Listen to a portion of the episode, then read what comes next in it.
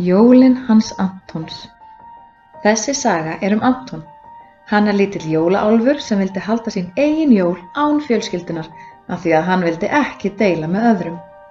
Hann vildi ekki deila hrísgrunagrautnum, ekki jólatrínu og ekki jólagjöfunum. En heldur þú að það hafi verið góð hugmynd hjá Antoni? Annar desember Stór hvít snjókorn falla til jarðar. Alfreð, litli bróður hans Antons, togar í ermina á peysunni hans og spyr hvort þeir eiga að koma út og búa til snjókall. Neip, ég ætla að búa til minn eigin snjókall og hann á að vera risastór, segir Anton. Bræðurnir sækja hlýju rauðu treflana sína og flýta sér út. Anton brosir þegar snjókornin lenda á nefinu á honum. Þetta er alveg jólasnjór, hugsar hann.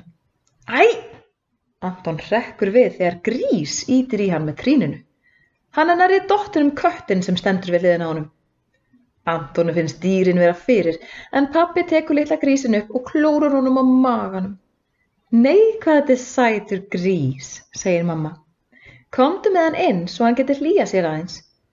Grísin rítir gladur og blakar bleikum eirunum. Alfreð sér köttin og stríkur honum yfir bakið. Nei, hvort mjúkur, segir hann. Eigum við tveir kannski að búa til snjókall saman? Það vil kötturinn gjarna gera. En Anton hleypur út á tún til að vera í friði. Þar ætlar hann að búa til stóran snjókall sem hann á aleinn.